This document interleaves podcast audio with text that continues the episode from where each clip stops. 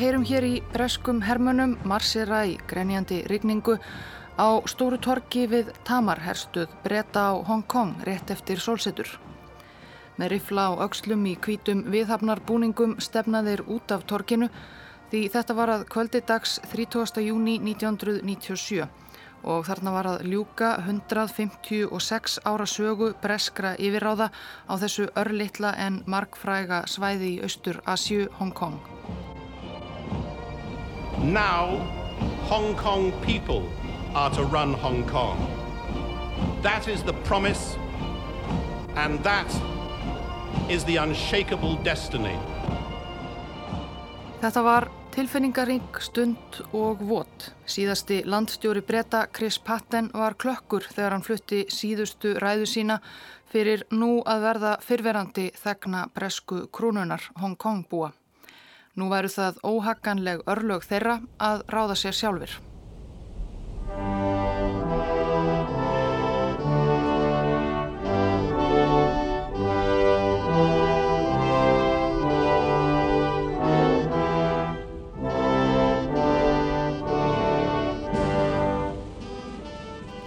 Þegar klukkuna vantaði örfáar sekundur í miðnætti hljómaði þjóðsöngur breyta um drotningu sína og breskir fánar voru teknir niður í síðasta sinn. Svo liðu 12 sekundur í þögn, klukkan sló 12 og...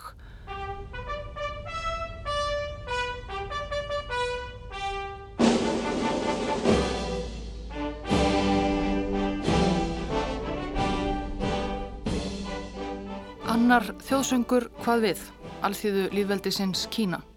Rauður fáni þess var dregin að húni og Patten og aðrir tignir breskir gestir við atöfnina letu sig hljóðlega hverfa um borði skip við höfnina.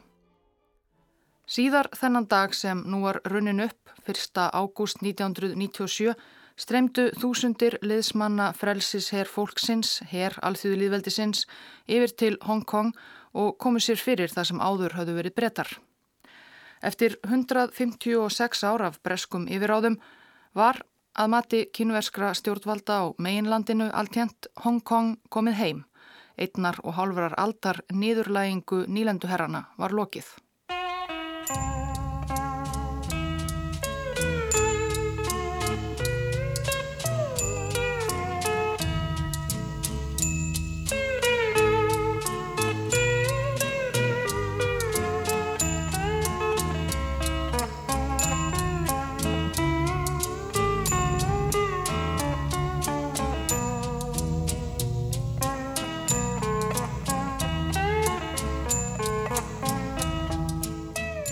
Afhending Hong Kong til Kína 1997. Þetta var sannarlega tignarleg aðtöfn sem hefði heimsveldi þó svo að í margra augum markaði brottkvarf Hong Kong í raun endalók þess sem einu sinni hafi verið breska heimsveldið. Lítið var eftir af því núna allavega. En hvað um það? Saga breskra yfir á það í Hong Kong hófst ekki alveg eins tignarlega.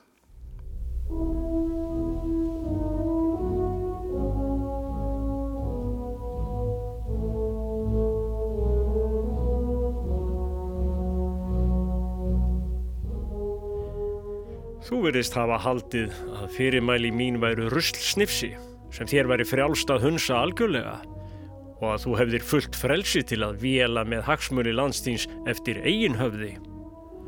Palmerston Lávarður, þá utaríkisráð þeirra Breitlands, skrifaði reyði pistil þennan til Charles Eliot, aðsta erindreka breskra stjórnvalda í Kína í april 1841. Breitland og Kína Qing keisarættarinnar áttu í stríði, fyrra opiumstríðinu eins og það var síðar kallað. Charles Eliot hafði fengið þau fyrirmæli frá Lundunum að tryggja breytum hafnarstæði við kynversku ströndina fyrir jamt herskip sem kaupskip því verslunarmál voru líkillinn að þessum átökum. Og Eliot hafði hlýtt fyrirmælunum, taldi hann, og náð á sitt vald og heimsveldisins eigu nokkur í við ósa kynverska perlufljótsins mikla en Palmerston lávarður var ósáttur við val Eliots á þessari tilteknu eigu. Þú hefur óhlýnast og vannrægt fyrirmælið þín og allt það sem þú hefur komist yfir er Hong Kong. Gróðursnauða eigu sem varla er á einn einasti kofi. Það er augljóst að Hong Kong verður aldrei neinn miðstöð verslunar. Og bref Palmerstons helt áfram í þessum dúr. Charles Elliot, sem hafði þjónað breska heimsveldinu alla sína æfi, fyrst í sjóhernum og síðar utaríkistjónustu, var að sjálfsögðu rekin. En brettar sátu uppi með Hong Kong lengi enn.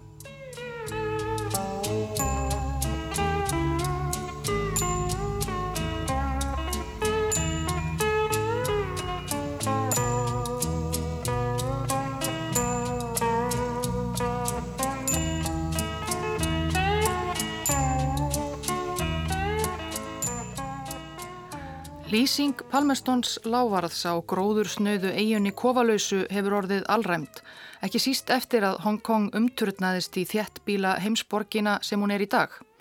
Fleiri álíka breskar lýsingar á Hong Kong má finna frá þessum tíma, óttalett krummaskuð sem þeir voru að leggja undir sig voru margir brettar samóla um. Þó verða þetta teljast ansi ósangjarnar lýsingar.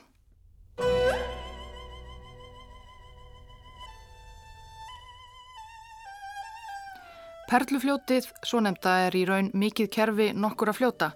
Þar sem það er lengst rennur það um 2400 km leið þverti gegnum sunnanvert Kína, telst þá þriðja lengsta á Kína og eftir Yangtze og Gulafljóti.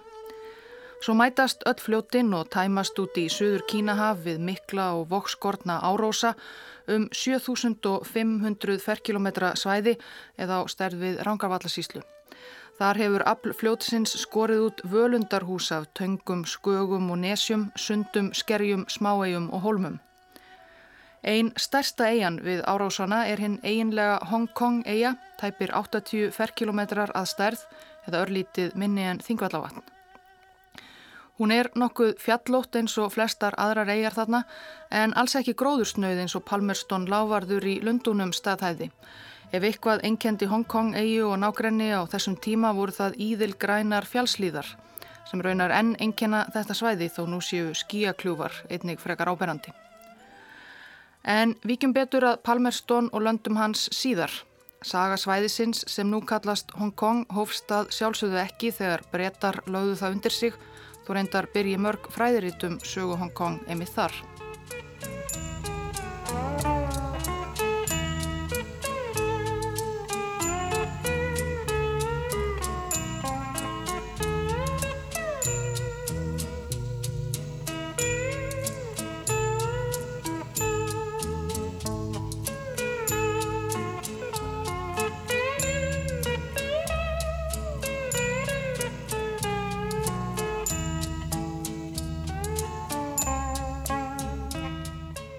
Setti stað á þessum slóðum við árásana miklu fyrst einhver tíman fyrir þúsundum ára.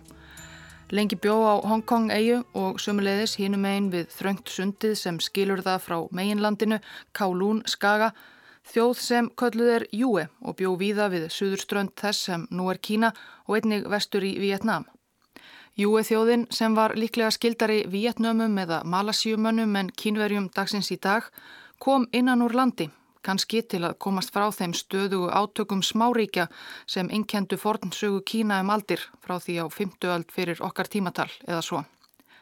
Allavega, júi fólkið kom sér fyrir við ströndina og eiginum í kring þar sem ekki var sama óöldin, hrískrónaplöntur þeirra spruttu vel í frjósumum jarðveg árósana og fiskimið allt í kring voru gjöful að auki.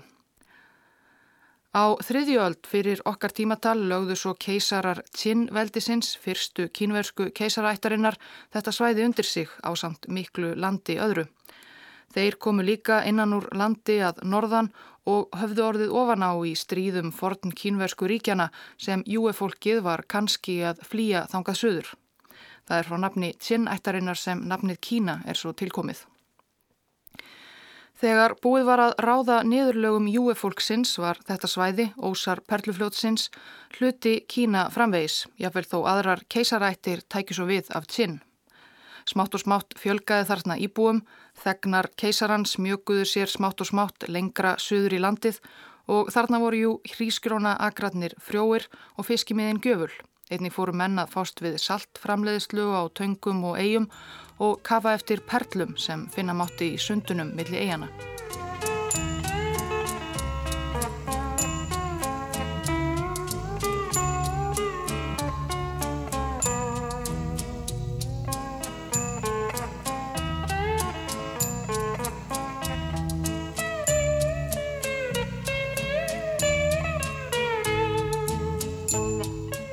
Stökkum langt fram í söguna.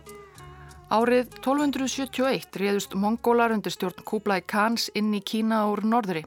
Þetta var á valdatíð kínversku Song-keisarættarinnar sem stóð ítla, neittist svo til að hörfa sífælti lengra söður undan mongólum Þar til að lokum 1278 eftir margra ára sókn mongólana að barnungur Song-keisarin Duan Song aðeins nýju ára neittist til að hýrast með hirðsinni í Hong Kong.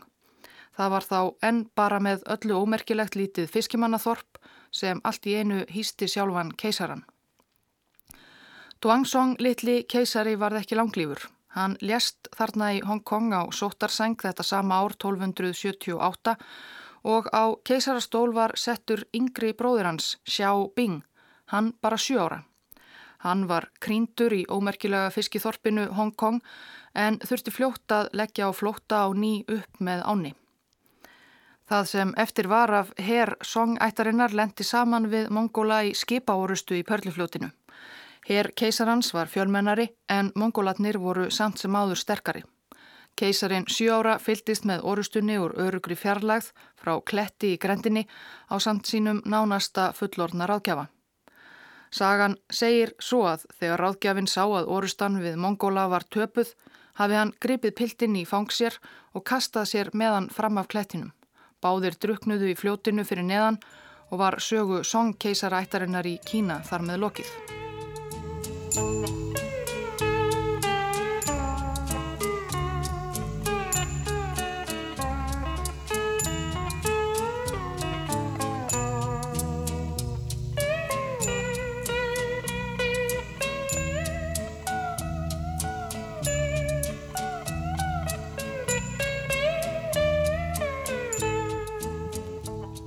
Júan keisarættin sem mongólar settu á fót tók við stjórn Kína.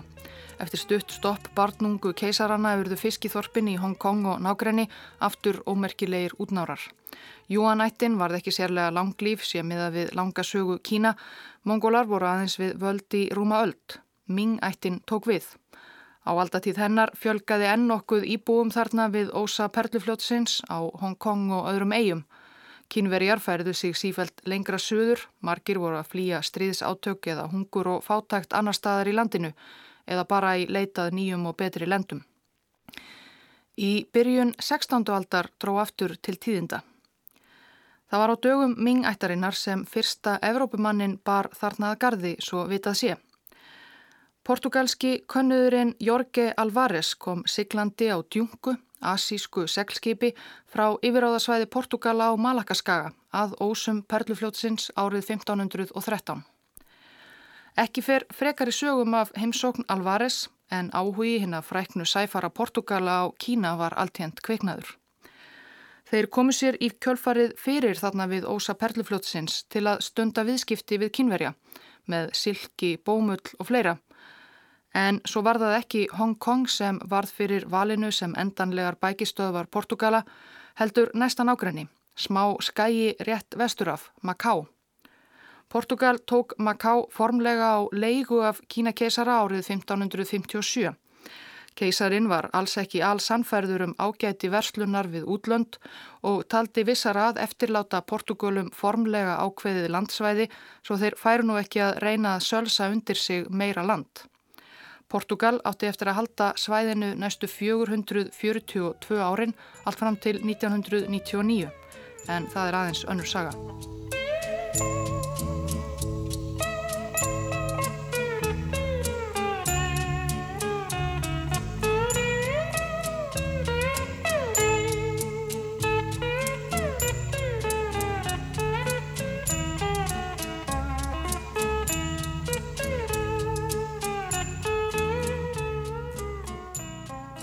Portugalar voru ekki lengi einir um hituna í Kína.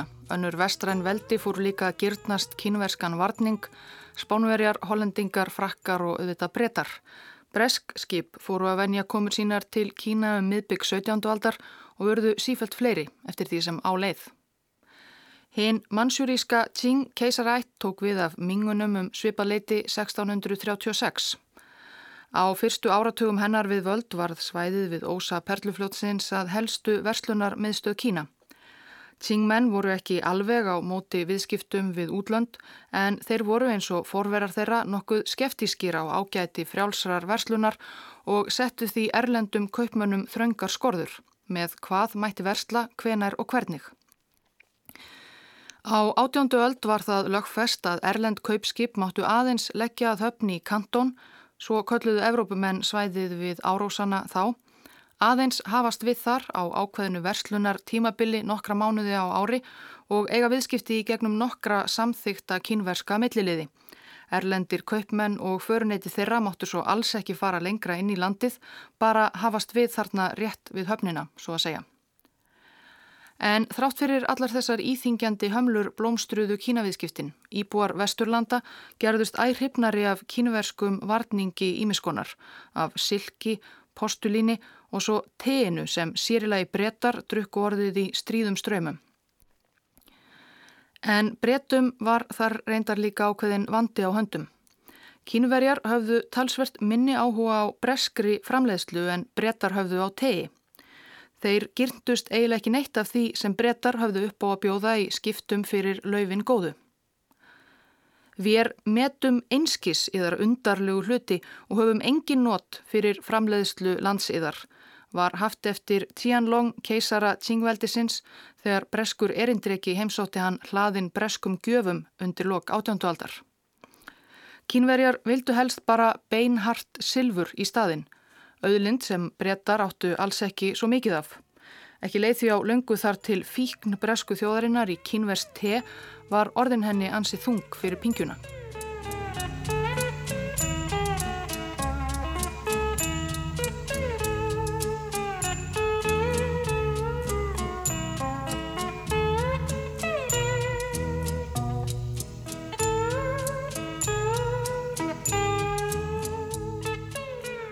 Það var þess vegna sem breytar fengu þá hugmynd að bjóða kynverjum ópjum í staðin fyrir teið.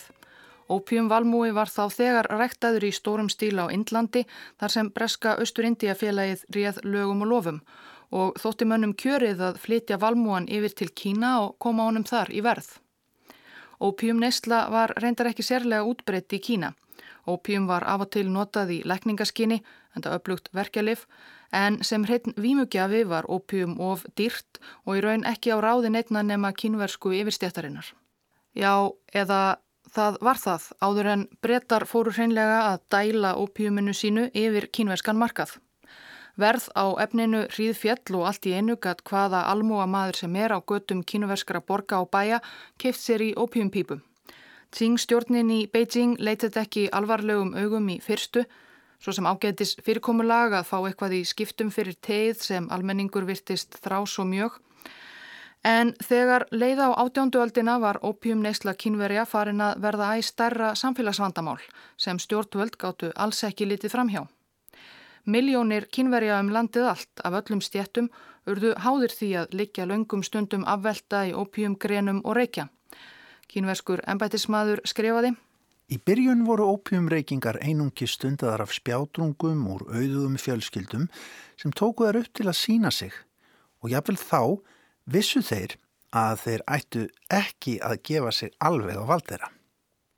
Síðar hefur fólk úr öllum samfélagshópum, frá embætsmönnum og heldra fólki til handverksmanna, kaupmanna, skemmtikrafta, þjóna og jáfnvel konur, munkar, nunnur og prestar tekið upp þennan ávana og fengið sér reikfæri. Jafnvel í miðju veldis okkar, höfuborginni og nágrenni eru íbúatnir mengaðir af þessu ræðilega eitri. Og ópíum er stór hættulegt efni að ánættjast. Árið 1780 gáfu kínversk stjórnvöld út tilskipun gegn ópíumneislu og 1796 var efnið alveg bannað, allavega á lagabókum. Bretar letu bann ekki stoppa sig, heldur fundu breskir kaupmenn og bara upp á ymsum leiðum til að smigla ópjumi áfram inn í Kína til þarlendra fíkla í samstarfi við kínverska kollega. Ólögleg varð ópjumverslunin við Kína jafnvel enn arðbærari, svo mjög að fleiri en bretar fóru að blanda sér í málið. Eitur kaupmenn frá hennum frekar nýlegu bandaríkjum fóru til dæmis að smigla inn til Kína ódýrara tyrknesku ópjum og svo framvegis. Verð á efninu lækkaði því enn, ópjumneitendur Kína urðu bara fleiri og eftirspurnin varð meiri og meiri. Það var erfitt fyrir keisaran í Beijing að stemma stigu við þessum business þar sem svo margir kynverjar högnuðust líka á opiumversluninni og áttu hagsmuna að gæta. Kaupmenn voru milliliðir, milli bretta og fíklana í grenunum en bætismenn tóku við mútum til að líta fram hjá smigli og svo framvegis. Spilling þreifst engar vel í opiummögnum. Opium er skadalegt. Opium er eitur sem grefur undan hefðum okkar og síðferði. Notkun þess er bönnuð. En nú upp á síðkastið hafa kaupendur og neytendur orðið fjölmarkir og sviksamir kaupmenn kaupaða og selja fyrir eigin hagnað. 19. öldin gekk í garð og spennan magnaðist eftir því sem á leið. Þetta snýrist ekki bara um ópjum og te. Bretar sem og önnur vestræn ríki vildu helst losna við öllin íþingjandi höft sem kínakeisari batt erlenda kaupsíslu í ríki sínu. Þeir vildu fá að stunda alfarið frjálsa verslun með allan þann arðbæra varning sem Kína hafði upp á að bjóða, hvena sem er og hvar sem er í landinu. En eftir því sem ópjum neysla breytist út og leik landsmenn grátt og breskir og aðrir erlendir kaupmenn og smiklarar gerðust uppivöðslu samari, urðu kínversk stjórnvöld bara ósamvinnu þýðari. Um 1838 er áætlað að breytar hafi selgt kínverjum um 1400 tonn af ópjum á ári þrátt fyrir bóð og bönn keisarhans. Við kínversku hyrðina fór reyndar fram umræða ekki ósvipuð umræðu sem á sér stað í mörgum samfélögum nú á dögum um Ímis vímuöfni. Var þetta ekki töpuð baráta, væri kannski réttara að löguleiða ópjumverslun og neyslu í vonum að koma þó ekki væri nema einhverjum böndum á vandamálið. En harðlínumenn við hyrðina urðu ofan á. Þetta sama ár 1838 ákváðu kínversk stjórnvöld að grípa til enn harðari aðgerða til að hveða niður ópjumdjöfulinn í eitt skipti fyrir öll. Sérstakur ópjum erindreki keisarhans, margreindur embætismadur að nafni Lin Teshu, ritaði Viktoríu breytadrottningu opið bref þar sem hann kvatti hann ákaft til að endurskoða stefnu landsins. Við höfum heyrt að í yðar eigin landi sé ópjum stráng og harlega bannað. Það er sönnun þess að þér vitið vel hversu hættulegt það er mannkynni.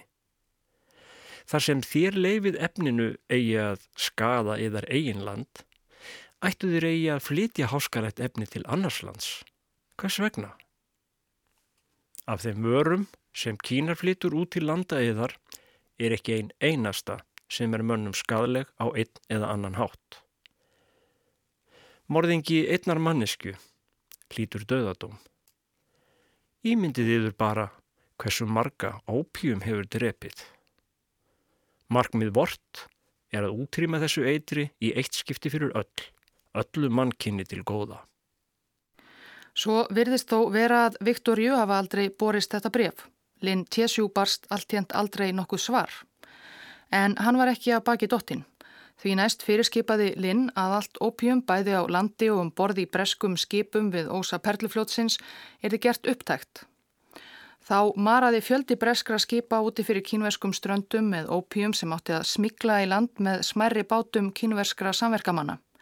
En Kínastjórn gerði nú alls 20.283 tunnur fullar af fíknefninu upptækar. Skipinu voru kyrsett og kínveskir dátar fjarlægðu farminn. Innihald hverjar einnar og einustu tunnu var eidilagt strax við ströndina með því að blanda efninu við salt og kalk og henda því svo í sjóin. Sjávarguðina bað Linn fyrirfram afsökunar á þessu eitri. Bretum var, kungjörði Linn Tjesjú svo, auðvitað frjálstað halda áfram að versla með löglegan varning og samkvæmt öllum reglum keisarans um erlenda verslun en þessar 20.283 tunnur voru mikið fjárhagslegt tjón fyrir breska ópjumkaupmenn og spennan milli kínverja og fríverslunar sinnaðra breyta magnaðist.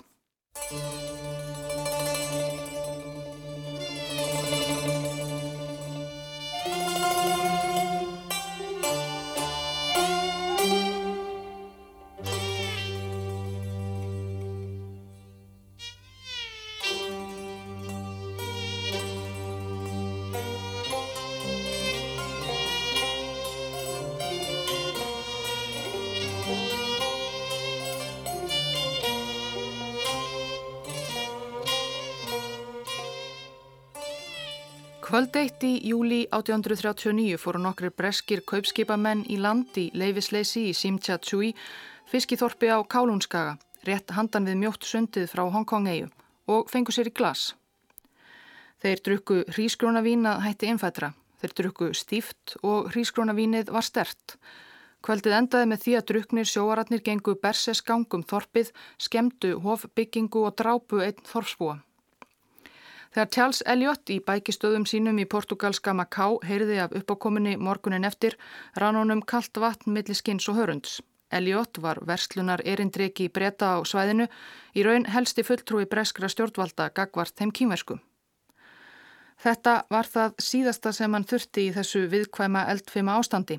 Síðustu misseri höfðu farið í að reyna að halda öllum góðum, bálreiðum kynverjum, breskum kaupmönnum sem höfðu mist miklar ópíumtekjur og breskum stjórnvöldum sem vildu síður þurfa að borga tíðum kaupmönnum meiri skadabætur vegna tekjumissis.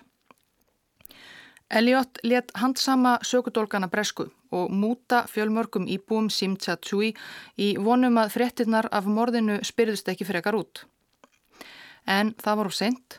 Lin Cheshu, harðlinumadurinn, ópíum erindriki Kína keisara, fekk veður af málinu og varð skiljanlega bálreiður, krafðist hemda fyrir þorpsbúan í Simcha Tsui. Elliot neytaði að afhenda kínverjum óerða skipverjana þar sem þeir eruðu þá vafalust teknir af lífi. Tilraunir Elliots til að sefa Lynn Tjesjú með því að rétta yfir mönnum í herretti um borði í bresku skipi og svo framvegis gengu ekkert. Lynn fyrirskipaði loks að loka skildi höfnum sunnanverðs Kína alveg breskum skipum og hann bannaði sölu allra vista, matvæla og drikjarvatns til breyta. Líka á Macau þar sem mörg bresk kaupskip heldu til þegar ekki mótti lenda annar staðar. Kínuverskar herjungur gættu hafnana svo að breytar kæmust örglega hverki að. Menn hinnar ennsku þjóðar þrá ekkert annað en frið, en þeir get ekki látið eitra fyrir sér og svelta. Þetta sagði Charles Elliot í yfirlýsingu til Kínverja í september 1839 þegar breytar þar eistra hafðu ekki fengið að abla vista vikum saman. Herskip keisarans vilja vísast ekki áreita okkur en þau mega heldur ekki komið veg fyrir að fólkið fá að selja. Að svifta menn vistum gera einungis þeir óvinnveitu og fjandsamlegu. Bresk skip höfðu þó þá þegar skotið á kynvesk skip sem meinuðu þeim að leggjast við bryggju á Kálúnskaga. Slíkar smáskærur heldu áfram þegar leið á haustið og veturinn 1839. Heima í Breitlandi á meðan voru skiptar skoðanir. Margir brettar voru ekkert svo hrifnir af því að breskir kaupmenn hefðu gerst stórtækir eiturlefja smiklarar og höfðu samúð með baráttu kínverja við ópíumbölið. Charles Elliot sjálfur var ekkert sérlega hrifin af ópíumversluninni en gerði það sem honum bar í vinnunni. En svo voru líka þeir brettar sem reyttust meintum aurunum og virðingarleysi kínverja gagvartinu mikla breska heimsveldi og vildu opna hið lokaða Kína alveg bretum hvað sem það kostaði. Það var mál flestra í ríkistjórn Vigflokksins og sérilegi kapsmál utaríkisráþerrans Palmerstons lávarðar. Smám saman fór að verða óhjákvæmilegt að til einhvers konar stríðs átaka kæmi.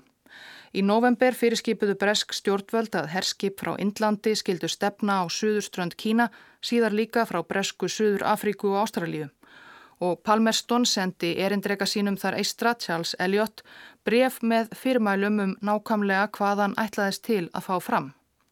Skadabætur fyrir breskan varning sem hefði verið eðilaður, betri viðskiptasamninga, rétt breskra þegna til að versla við kínverja hvenar og hvar sem er, hvar sem það væri í Kanton eða á Formosu eða í sjálfri Shanghai og svo framvegs. Já, og svo ná eigu eða eigum einhver staðar við strendur landsins sem brettar getur svo notað sem bækistöðvar, rétt eins og Portugalarnir hafðu sitt Macau.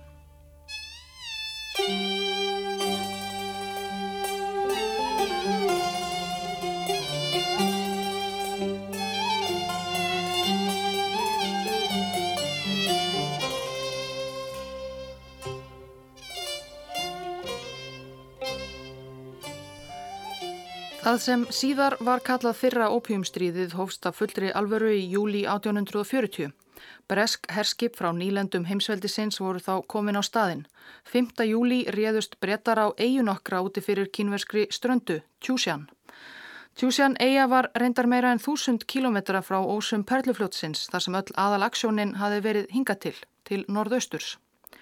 Tjúsjan, stærðarinnar eiga meira en 500 ferkilometrar, miklu stærri en eigarnar við perlufljótsósa, var rétt fyrir utan Shanghai, við ósa annars og meira fljóts, Yangtze. Á öldum áður hafðu evrósk skip haft þar viðkomu og verslað áður en Ting keisaratnir settu sínar ströngu einogunar verslunarreglur svo að breytar vissu að þarna var kjörið að setja upp bækistöðvar. Það var að öllum líkindum Tjúsjan sem Palmerston lávarður hafði í huga þegar hann fyrirskipaði Elliot að útvega honum og heimsveldinu eigu við Kína. Breytar voru varla dag að leggja undir sig Tjúsjan.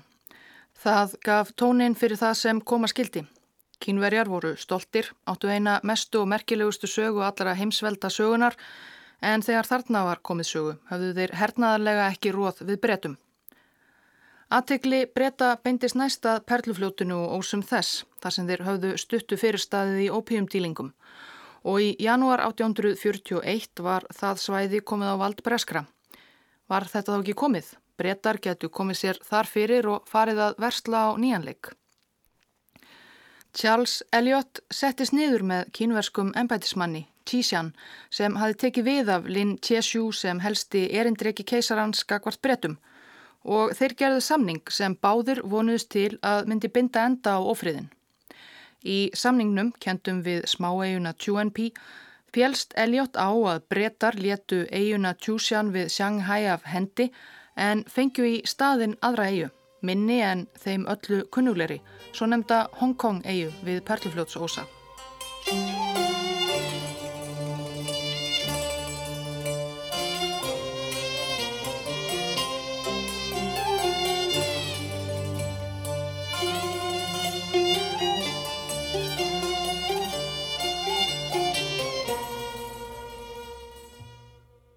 Nákvæmlega hvernig nafnið Hong Kong er tilkomið eru fræðimenn ekki samála um en bókstaflega má því það kínvörsku táknin tvö sem mynda nafnið sem ilmhöfn.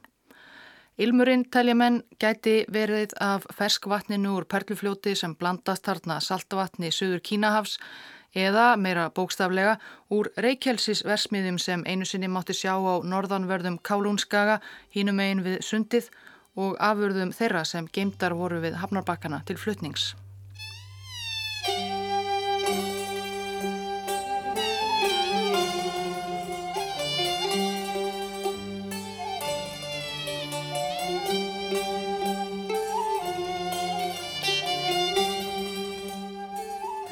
Elliot fannst hann ekki vera að leika af sér þó ilmhöfnin Hong Kong væri langt um minni eiga en Tjúsjan. Hann hafi silt þarna sjálfur og séð eins og allir góðir sjóarar áttu að gera að við sundið þrönga sem skildi að Hong Kong og Kálúnskaga var afbragsgott, djúft og rúmgott hafnarstæði af náttúrunar hendi, auðvelt að verja og í skjóli fjalla. En eins og við heyrðum fyrir í þættinum þá var Palmerston lávarður í Lundunum á öðru máli. Hann heldi sér yfir Elliot að hans mati var Hong Kong eiga jú bara gróður snöytt næsta mannlaust sker. Þarna var ekkert nema örfáir armir fiskimenn og sjóræningjar tóku margir landar hans undir. Þetta var eiga ósambóðin breska heimsveldinu. Viktoria Drottning grínaðist með máliði brefi til frendasins Leopolds belgakonungs. Yrði dóttir hennar þá núna titluð Prinsessa af Hong Kong, einhverju kínversku skeri. Í raun og veru voru íbúar á Hongkong eigu þarna einhver nokkur þúsundað minnstakosti og alls ekki bara dorgarar og sjóræningjar. En það skipti ekki máli. Charles Elliot var vikið úr starfi. Tísjan, kínverskur kollegi hans, var líka látin taka pókansinn. QNP samningurinn varð að engu og átök millir breyta og kínverja hófust að nýju von bráðar.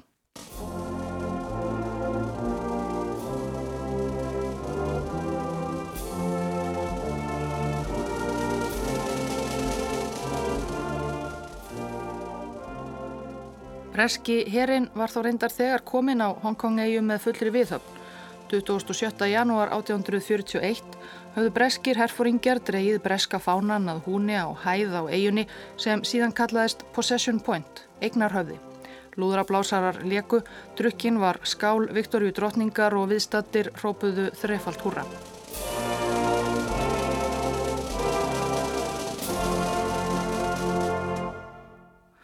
Stríðið helt áfram einhverða síður.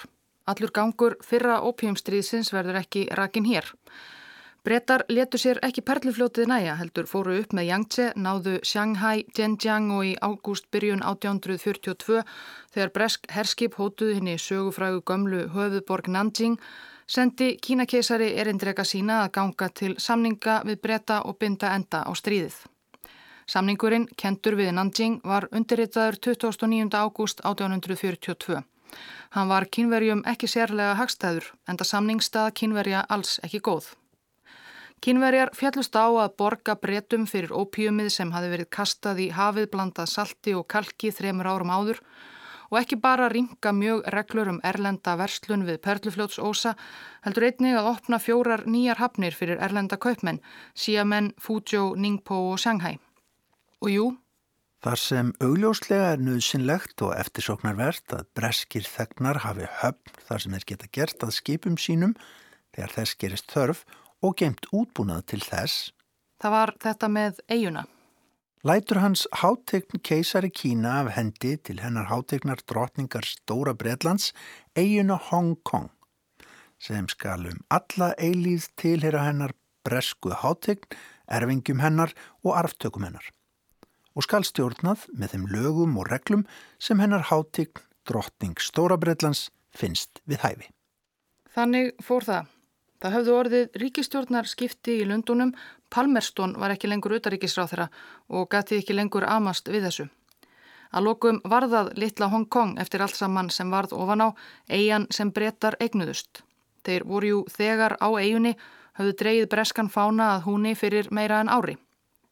Viktoria Drottning hafi grínast með þessa ómerkilegu smáegu í brefi nokkru fyrr en nú átti hún að fá að stjórna henni samkvæmt Nanjing samningnum eins og henni síndist um alla eilífð. Í hönd fór nýtt tímabil í sögu litlu eigunar við ósa perlufljótsins. Það varði ekki alveg öll eilífð en allavega ein og hálf öld.